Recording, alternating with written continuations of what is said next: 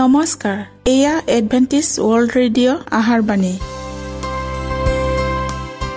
ঊনৈছ মিটাৰ বেণ্ডত পোন্ধৰ হাজাৰ পাঁচশ পঞ্চাছ কিলো হাজত।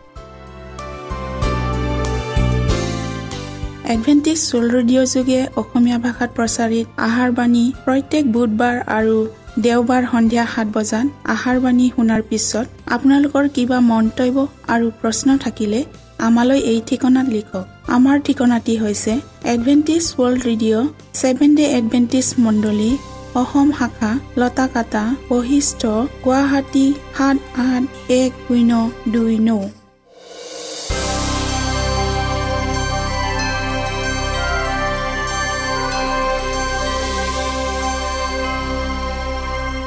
প্ৰিয় শ্ৰোতা বন্ধুসকল এতিয়া শুনো আহক এটি খ্ৰীষ্টীয় ধৰ্মীয় গীত।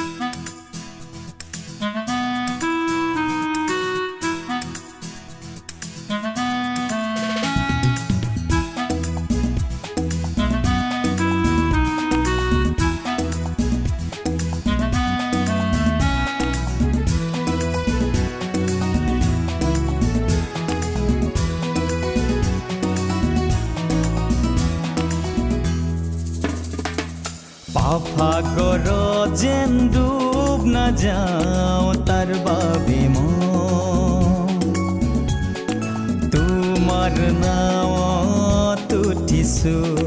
পাফাগৰ যেন ডুব নাযাওঁ তাৰ বাবে তোমাৰ নাৱত উঠিছো।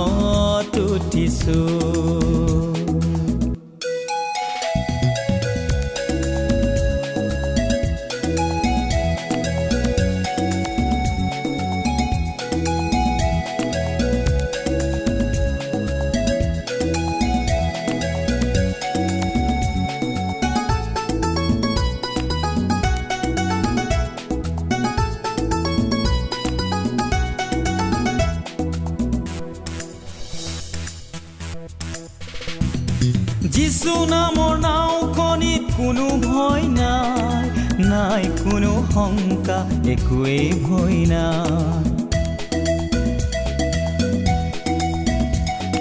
যিচু নামৰ নাওখনিত কোনো ভয় নাই নাই ছয়তানৰ চলনা ভয় নাই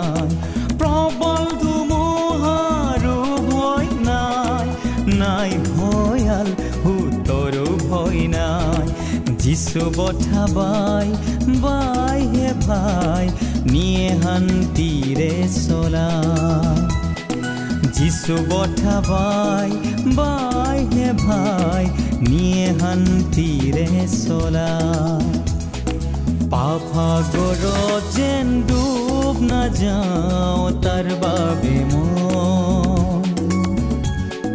তোমাৰ নাৱত উঠিছোঁ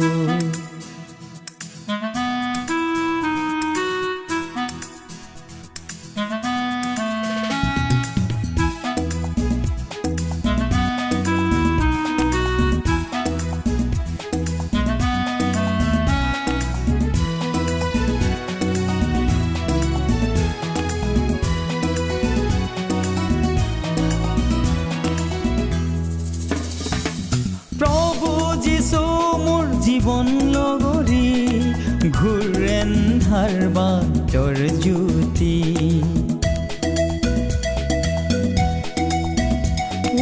খোজে খোজে যাওঁ যদি মই পিছলি পাওঁ শক্তি আৰু সুমতি যিচুৰ বিনে নাই আন উপায় নাই নাপাওঁ আন কতো সহায়। যিচুৱে চলাই মোক সদায় শান্তিৰ বাট দেখুৱা যিচুৱে চলাই মোক সদায় শান্তিৰ বাটে খোৱা পাফাগৰত যেন ডুব নাযাওঁ তাৰ বাবে মই তোমাৰ নাৱত উঠিছো। যেন ডুব নাযাওঁ তাৰ বাবে মই তোমাৰ নাৱত প্ৰিয় শ্ৰোতা বন্ধুসকল আহক আমি খন্তেক সময় বাইবেল অধ্যয়ন কৰোঁ হওক। প্ৰিয় শ্ৰোতাসকল নমস্কাৰ। আজি আমি যোৱা অনুষ্ঠানৰ বাকী অংশ ঈশ্বৰে তেওঁৰ মনোনীত লোকৰ অন্যায়ৰ প্ৰতিকাৰ নকৰিবনে? এই বিষয়টোলৈ আকৌ অধ্যয়ন কৰোঁ হওক। শাস্ত্ৰপদ লোক ওঠৰ অধ্যায়ৰ একৰ পৰা আঠ পদলৈকে। আমি প্ৰাৰ্থনা কৰোঁ হওক। স্বৰ্গত থকা অসীম দয়াময় ঈশ্বৰ যে হোৱা ধন্যবাদ প্ৰভু তোমাৰ অনুগ্ৰহ আৰু আশীৰ্বাদৰ বাবে। প্ৰভু আমি যি বিষয়টিলৈ অধ্যয়ন কৰিবলৈ আগবঢ়াইছোঁ তুমি আমাক বুজিবলৈ জ্ঞান আৰু বুদ্ধি দান কৰা। প্ৰত্যেক শ্ৰোতাৰ হৃদয় পবিত্ৰ আত্মাৰে স্পৰ্শ কৰি দিয়া। যীশুৰ নামত খুজিলোঁ আমেন। ঈশ্বৰৰ লোকবিলাকে ছয়তানৰ অভিযোগৰ প্ৰতিৰোধ কৰিব নোৱাৰাত হতাশ নিৰাশাত ভোগ যেন দেখা যায়। কিন্তু তেওঁলোকে ঐশ্বৰ্য অধিবক্তাজনাক নিজৰ অপাৰগতাৰ বিষয়ে আবেদন জনায় যাতে সংকটৰ কালত তেওঁলোকৰ হৈ হস্তক্ষেপ কৰে। ঈশ্বৰে যীশুখ্ৰীষ্টৰ তেজত হোৱা বিশ্বাসৰ দ্বাৰাই যি প্ৰায়শ্চিত সেই প্ৰায়শ্চিত স্বৰূপে তেওঁক প্ৰকাশ কৰিলে।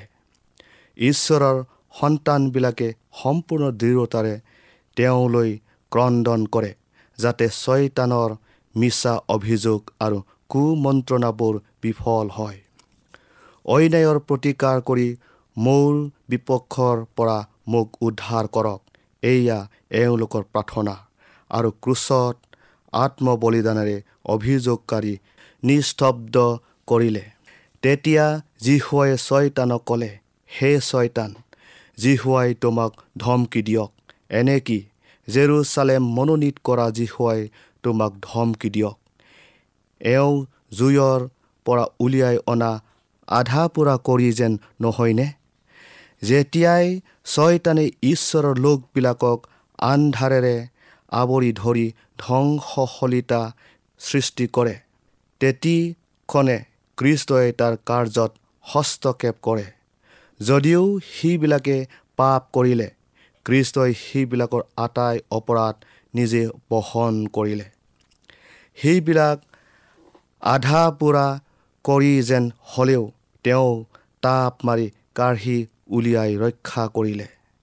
তেওঁ মনুষ্যৰূপ ধাৰণ কৰা হেতুকে মানুহৰ সৈতে নিচেই ওচৰ সম্বন্ধ আছিল যদিও ঐশ্বৰিক ৰূপেৰে অসীম ঈশ্বৰৰ সৈতে তেওঁ এক হৈ আছিল।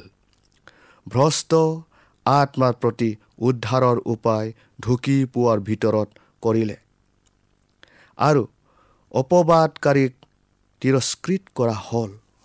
প্ৰিয় শ্ৰোতাসকল সেই সময়ত যীশু মলিন বস্ত্ৰ পিন্ধি দুজনৰ আগত থিয় হৈ আছিল। আৰু তেওঁ তেওঁৰ আগত থিয় হৈ থকাবিলাকক ক'লে এওঁৰ গাৰ পৰা মলিন বস্ত্ৰ নিয়া। তেওঁ যীশুচোৱা ক'লে চোৱা মই তোমাৰ অপৰাধ তোমাৰ পৰা গুচালোঁ আৰু তোমাক উৎসৱৰ বস্ত্ৰ পিন্ধাম। তেতিয়া মই ক'লোঁ তেওঁৰ মূৰত তেওঁলোকে এটি সূচী আগুৰি দিয়ক। তেতিয়া বাহিনীবিলাকৰ ঈশ্বৰৰ ক্ষমতাৰে স্বৰ্গদূতজনে ঈশ্বৰৰ লোকবিলাকৰ প্ৰতিনিধিত্ব কৰা যীশু চোৱাৰ আগত দৃঢ় প্ৰতিজ্ঞাৰে ক'লে বাহিনীবিলাকৰ যীশুৱাই এই কথা কৈছে তুমি যদি মোৰ পথত চলা আৰু মোৰ পালনীয় পালন কৰা তেনেহ'লে তুমি মোৰ গৃহটিৰ কাৰ্য চলাবা। মোৰ চোতালখন ৰাখিবা আৰু মোৰ সিংহাসনৰ চাৰিওফালে আগুৰি থকা স্বৰ্গদূতবিলাকৰ মাজত মই তোমাক মোৰ ওচৰলৈ আহিবৰ অধিকাৰ দিম। জখৰীয়া তিন অধ্যায়ৰ তিনি পদৰ পৰা সাত পদলৈকে। ঈশ্বৰৰ লোকবিলাকৰ দোষবোৰ থকা স্বত্তেও কৃষ্ণই তেওঁৰ উদ্ধাৰ কাৰ্য বিষয়ৰ পৰা বিৰত হোৱা নাই। তেওঁ সিবিলাকৰ অসুচি বস্ত্ৰ শুলুকাই শুভ্ৰ বস্ত্ৰ পিন্ধোৱাত ক্ষমতা আছে। তেওঁ অনুতাপিত বিশ্বাসীবিলাকৰ প্ৰতি নিজ বস্ত্ৰ পৰিধান কৰাই স্বৰ্গৰ তালিকাত থকা সেইবিলাকৰ নামৰ বিপৰীতে ক্ষমা প্ৰদান কৰে। কৃষ্টই সেইবিলাকৰ হৈ বিশ্বজগতৰ স্বৰ্গীয়জনাৰ আগত দোষবোৰ স্বীকাৰ কৰে। সেইবিলাকৰ মহাশত্ৰু ছয়তানক মিছলীয়া আৰু অপবাদক বুলি দোষাৰোপ কৰা হয়।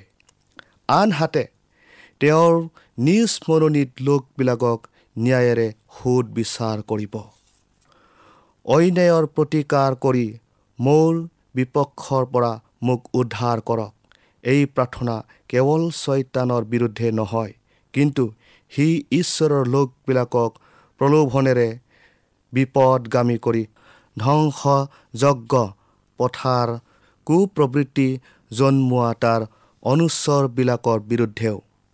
যিবিলাকে ঈশ্বৰৰ আজ্ঞাৰ পৰৱৰ্তী হ'বলৈ মনস্থ কৰে তেওঁলোকে অভিজ্ঞতাৰে জানিব পাৰিব যে এটা অধম শক্তিৰ নিয়ন্ত্ৰণাধীন শত্ৰুবিলাকৰ অৱেষ্টনীত তেওঁলোকে আছে। এনেকুৱা শত্ৰুবিলাকে পদে পদে কৃষ্টৰ কাৰ্যত বাধা আৰোপ কৰিছিল। আমি অটল আৰু দৃঢ়মনা হ'লেও কোনো ৰূপে এইবোৰ বুজি নাপাম। কৃষ্টৰ শিষ্যবিলাকেও তেওঁলোকৰ প্ৰভুৰ দৰে অবিৰত নিৰ্যাতনত ভুগিছিল। কৃষ্টৰ পুনৰাগমনৰ পূৰ্বে জগতৰ অৱস্থা কিৰূপ হ'ব শাস্ত্ৰে আগেয়ে ব্যাখ্যা কৰি কৈছে। পাচনি জাকবে লোভ আৰু অত্যাচাৰ উৎপীৰ প্ৰবল হৈ উঠিব বুলি কৈছে। তেওঁ কৈছে হে ধনৱন্ত লোক তোমালোকৰ যি যি দুৰ্দশা আহিব লাগিছে তাৰ কাৰণে হাহাকাৰেৰে ক্ৰদন কৰা। তোমালোকৰ ধন সম্পত্তি গেলি পচি গ'ল। তোমালোকৰ কাপোৰ পোকে খোৱা হ'ল।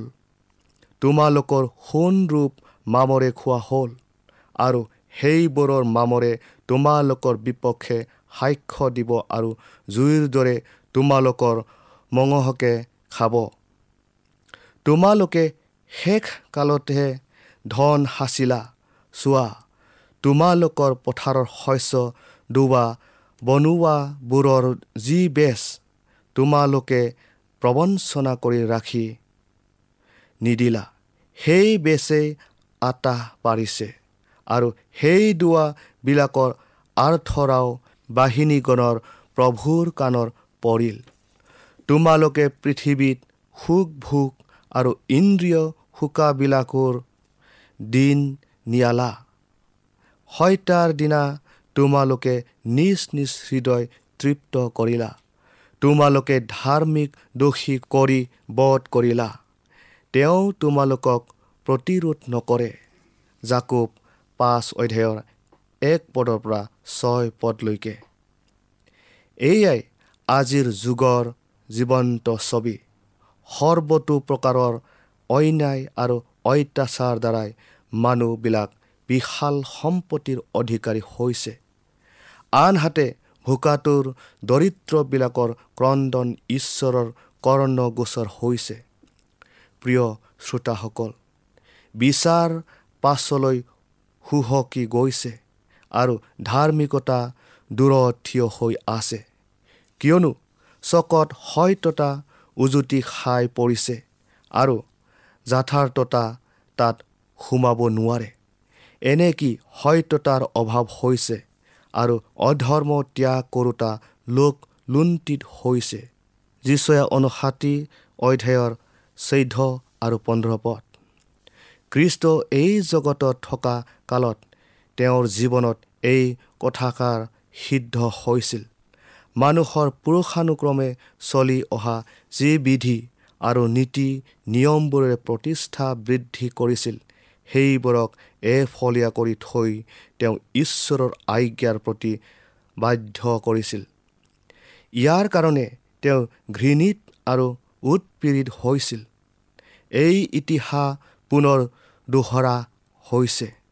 মানুহৰ বিধি আৰু নীতি নিয়মবোৰক ঈশ্বৰৰ আজ্ঞাতকৈ অধিক প্ৰাধান্য দিয়া হয় আৰু যিবিলাকে ঈশ্বৰৰ আজ্ঞাৰ প্ৰতি অনুগত্য হয় তেতিয়া তেওঁলোক তিৰস্কৃত হৈ তাৰণাৰ সন্মুখীন হয়।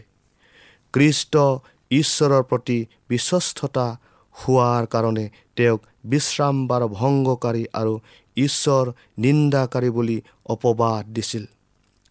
তেওঁক ভূতে পোৱা আৰু বেলচবু বুলি প্ৰকাশ্যভাৱে নিন্দা কৰিছিল।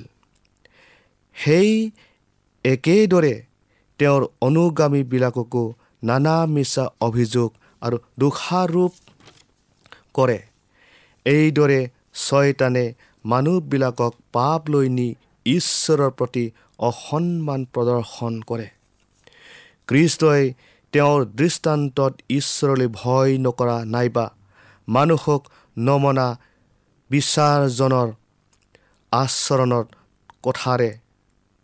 কেনে সোধ বিচাৰ সেই সময়ত কৰিছিল আৰু সেই একেধৰণৰ অন্যায় সোধ বিচাৰ তেওঁৰ প্ৰতিও কৰা হ'ব বুলি কৈছিল। সংকটৰ সময়ত জগতৰ অধিপতিবিলাকৰ ওপৰত ভৰসা কৰাটো অমূলক। ইয়াকে যেন তেওঁৰ লোকবিলাকে অনুভৱ কৰে তেওঁ এই বাঞ্ছা কৰে। কিয়নো জগতৰ জ্ঞানেৰে আৰু নীতি নিয়মেৰে অনুপ্ৰেৰিত হোৱা দেশাধিপতিবিলাকৰ সোধ বিচাৰ আগত তেওঁৰ মনোনীত লোকবিলাক উপস্থিত হ'ব লাগিব। দৃষ্টান্তৰ যোগেদি অন্যায়কাৰী বিচাৰজনক কথাৰে আমি কি কৰিব লাগে কৃষ্টই ক'লে। দিনে নিশাই তেওঁলৈ ক্ৰদন কৰা তেওঁৰ মনোনীত লোকবিলাকৰ প্ৰতি প্ৰতিকাৰ সাধন নকৰিবনে? কৃষ্টই আমাৰ আদৰ্শ তেওঁ নিজকে সত্যত আছো বুলি বা নিজকে ৰক্ষাৰ্থে একোকে নকৰিলে বৰং নিজৰ বিষয়ে ঈশ্বৰক সোধাই দিলে। সেয়েহে নিজকে ৰক্ষা কৰিবলৈ অভিযোগ দোষী সাব্যস্ত বা বল প্ৰয়োগৰ আশ্ৰয় লোৱা ঈশ্বৰৰ লোকবিলাকৰ উচিত নহয়। অবৰ্ণনীয় ফান পৰীক্ষা আহিলেও আমি আমাৰ মনৰ শান্তি অটুট ৰাখোঁ হওক।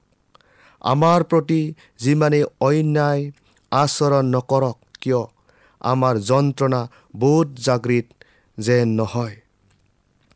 প্ৰতিহিংসা পৰায়ণৰ দ্বাৰাই প্ৰবৃত্ত নহৈ আমি নিজৰ অনিষ্ট সাধন নকৰোঁ হওক। এনে কাৰ্যৰ দ্বাৰাই ঈশ্বৰৰ প্ৰতি থকা বিশ্বাস ভংগ কৰাৰ উপৰিও পবিত্ৰ আত্মাক মনোকষ্ট দিয়া হয়। আমাৰ কাষত সাক্ষ্য প্ৰদান কৰোঁতা এজনা স্বৰ্গীয় বাৰ্তাবাহক আছে যিজনাই আমাৰ হৈ শত্ৰুৰ বিপক্ষে থিয় দিব। তেওঁ আমাক ধাৰ্মিকতা ৰূপ উজ্জ্বল কিৰণেৰে আৱৰি ৰাখিব। ছয়তানেই ইয়াৰ আৱেষ্টনী ভেদ কৰিব নোৱাৰে। নাইবা পবিত্ৰ জ্যোতিৰ আৱৰণ অতিক্ৰম কৰিব নোৱাৰিব। যিহেতু জগতখন দৃষ্টান্তেৰে পৰিপূৰ্ণ হৈছে তেনে স্থলত আমালোকলৈকো যে বিপদ আপদ নঘটিব এনে মনোভাৱ কোনেও নানক। কিন্তু এই সংকটবোৰে আমাক অতি মহান জনাৰ আশ্ৰয় স্থানলৈ লৈ আনিব আৰু অসীম জ্ঞানীজনাৰ পৰা আমি সুপৰামৰ্শ বিচাৰিম।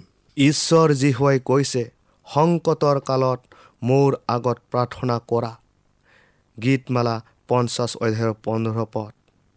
যাতে আমি ঐশ্বৰিক শক্তি প্ৰাপ্ত হওঁ তাৰ কাৰণে আমাৰ অপাৰগতা আৰু শক্তিহীনতাবোৰক লৈ তেওঁৰ ওচৰলৈ আমন্ত্ৰণ কৰিছে। আমাক প্ৰাৰ্থনাত ৰথ হৈ থাকিবলৈ কৈছে। কাৰণ যেতিয়াই সংকটৰ সময় উপস্থিত হ'ব আমাৰ বিনীত আৰু নম্ৰ প্ৰাৰ্থনা তেওঁ শুনিব।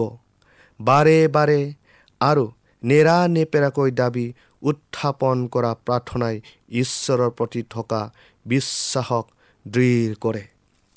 আমাৰ প্ৰয়োজনবোধে আমাক নিস্বাৰ্থভাৱে প্ৰাৰ্থনা কৰিবলৈ উদগায় আৰু আমাৰ স্বৰ্গীয় পিতৃয়ে আমাৰ কাট ৰোক্তি শুনে। যিবিলাকে নিজৰ নিজৰ বিশ্বাসৰ নিমিত্তে অনেক সময়ত অপমান আৰু তাৰণাৰ সন্মুখীন হয়। তেওঁলোকে ভাবিলৈ বাধ্য হয় যে ঈশ্বৰে তেওঁলোকক ত্যাগ কৰিলে। মানুহৰ দৃষ্টিত তেওঁলোক সংখ্যাত তাকৰ হ'ব পাৰে। বাহ্যিক লক্ষণৰ দ্বাৰাই যিমান দূৰ সম্ভৱ তেওঁলোকৰ শত্ৰুবিলাকে তেওঁলোকৰ ওপৰত জয়যুক্ত হৈ দেখুৱাব। এনে সময়ত তেওঁলোকৰ বিবেক জ্ঞান যাতে ভ্ৰষ্ট নহয়। যিজনাই তেওঁলোকৰ হৈ অশেষ দুখ কষ্ট আৰু যন্ত্ৰণা ভুগিলে সেইজনাই তেওঁলোকক ত্যাগ কৰা নাই। ঈশ্বৰৰ সন্তানবিলাকক নিৰ্জন আৰু নিৰাশ্ৰয় অৱস্থাত এৰি দিয়া নাই। প্ৰাৰ্থনাই সৰ্বশক্তিমানজনাৰ বাহুৰ তলৰ আশ্ৰয় দিয়ে। তেওঁলোকে বিশ্বাসৰ দ্বাৰাই নানা ৰাজ্য পৰাজয় কৰিলে। ধৰ্ম কৰ্ম কৰিলে প্ৰতিজ্ঞাৰ ফল পালে সিংহবোৰৰ মুখ বন্ধ কৰিলে অন্য জাতিৰবিলাকক সৈন্যবোৰক হৰুৱালে। প্ৰিয় শ্ৰোতাসকল আজি আমি ইয়াতে ৰাখিলোঁ। ইয়াৰ বাকী অংশ অহা অনুষ্ঠানত আমি শুনিবলৈ পাম হওক। ঈশ্বৰে আপোনালোকক আশীৰ্বাদ কৰক।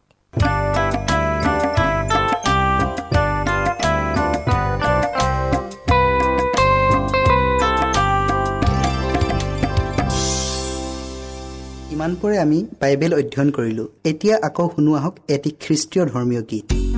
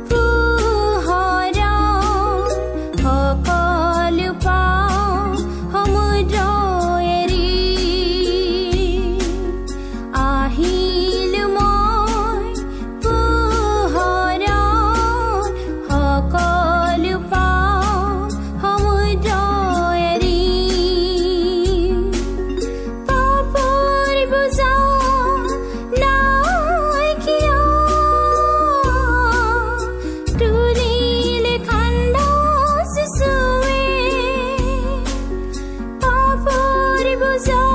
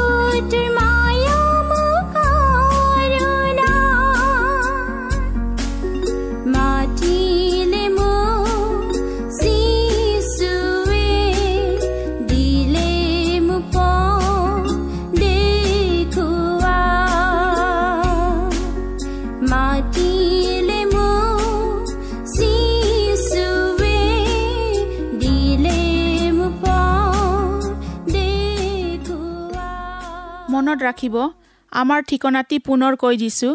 Adventist world radio' Assam region of seven day Adventist voice of hope লতাকটা Basistha Guwahati seven eight one zero' two nine প্ৰিয় শ্ৰোতা বন্ধুসকল এডভেণ্টিজ ৱৰ্ল্ড ৰেডিঅ' যোগে আহাৰবাণী প্ৰচাৰত আপোনালোকক পুনৰ লগ পোৱাৰ আহাৰে আজিলৈ সামৰিলোঁ।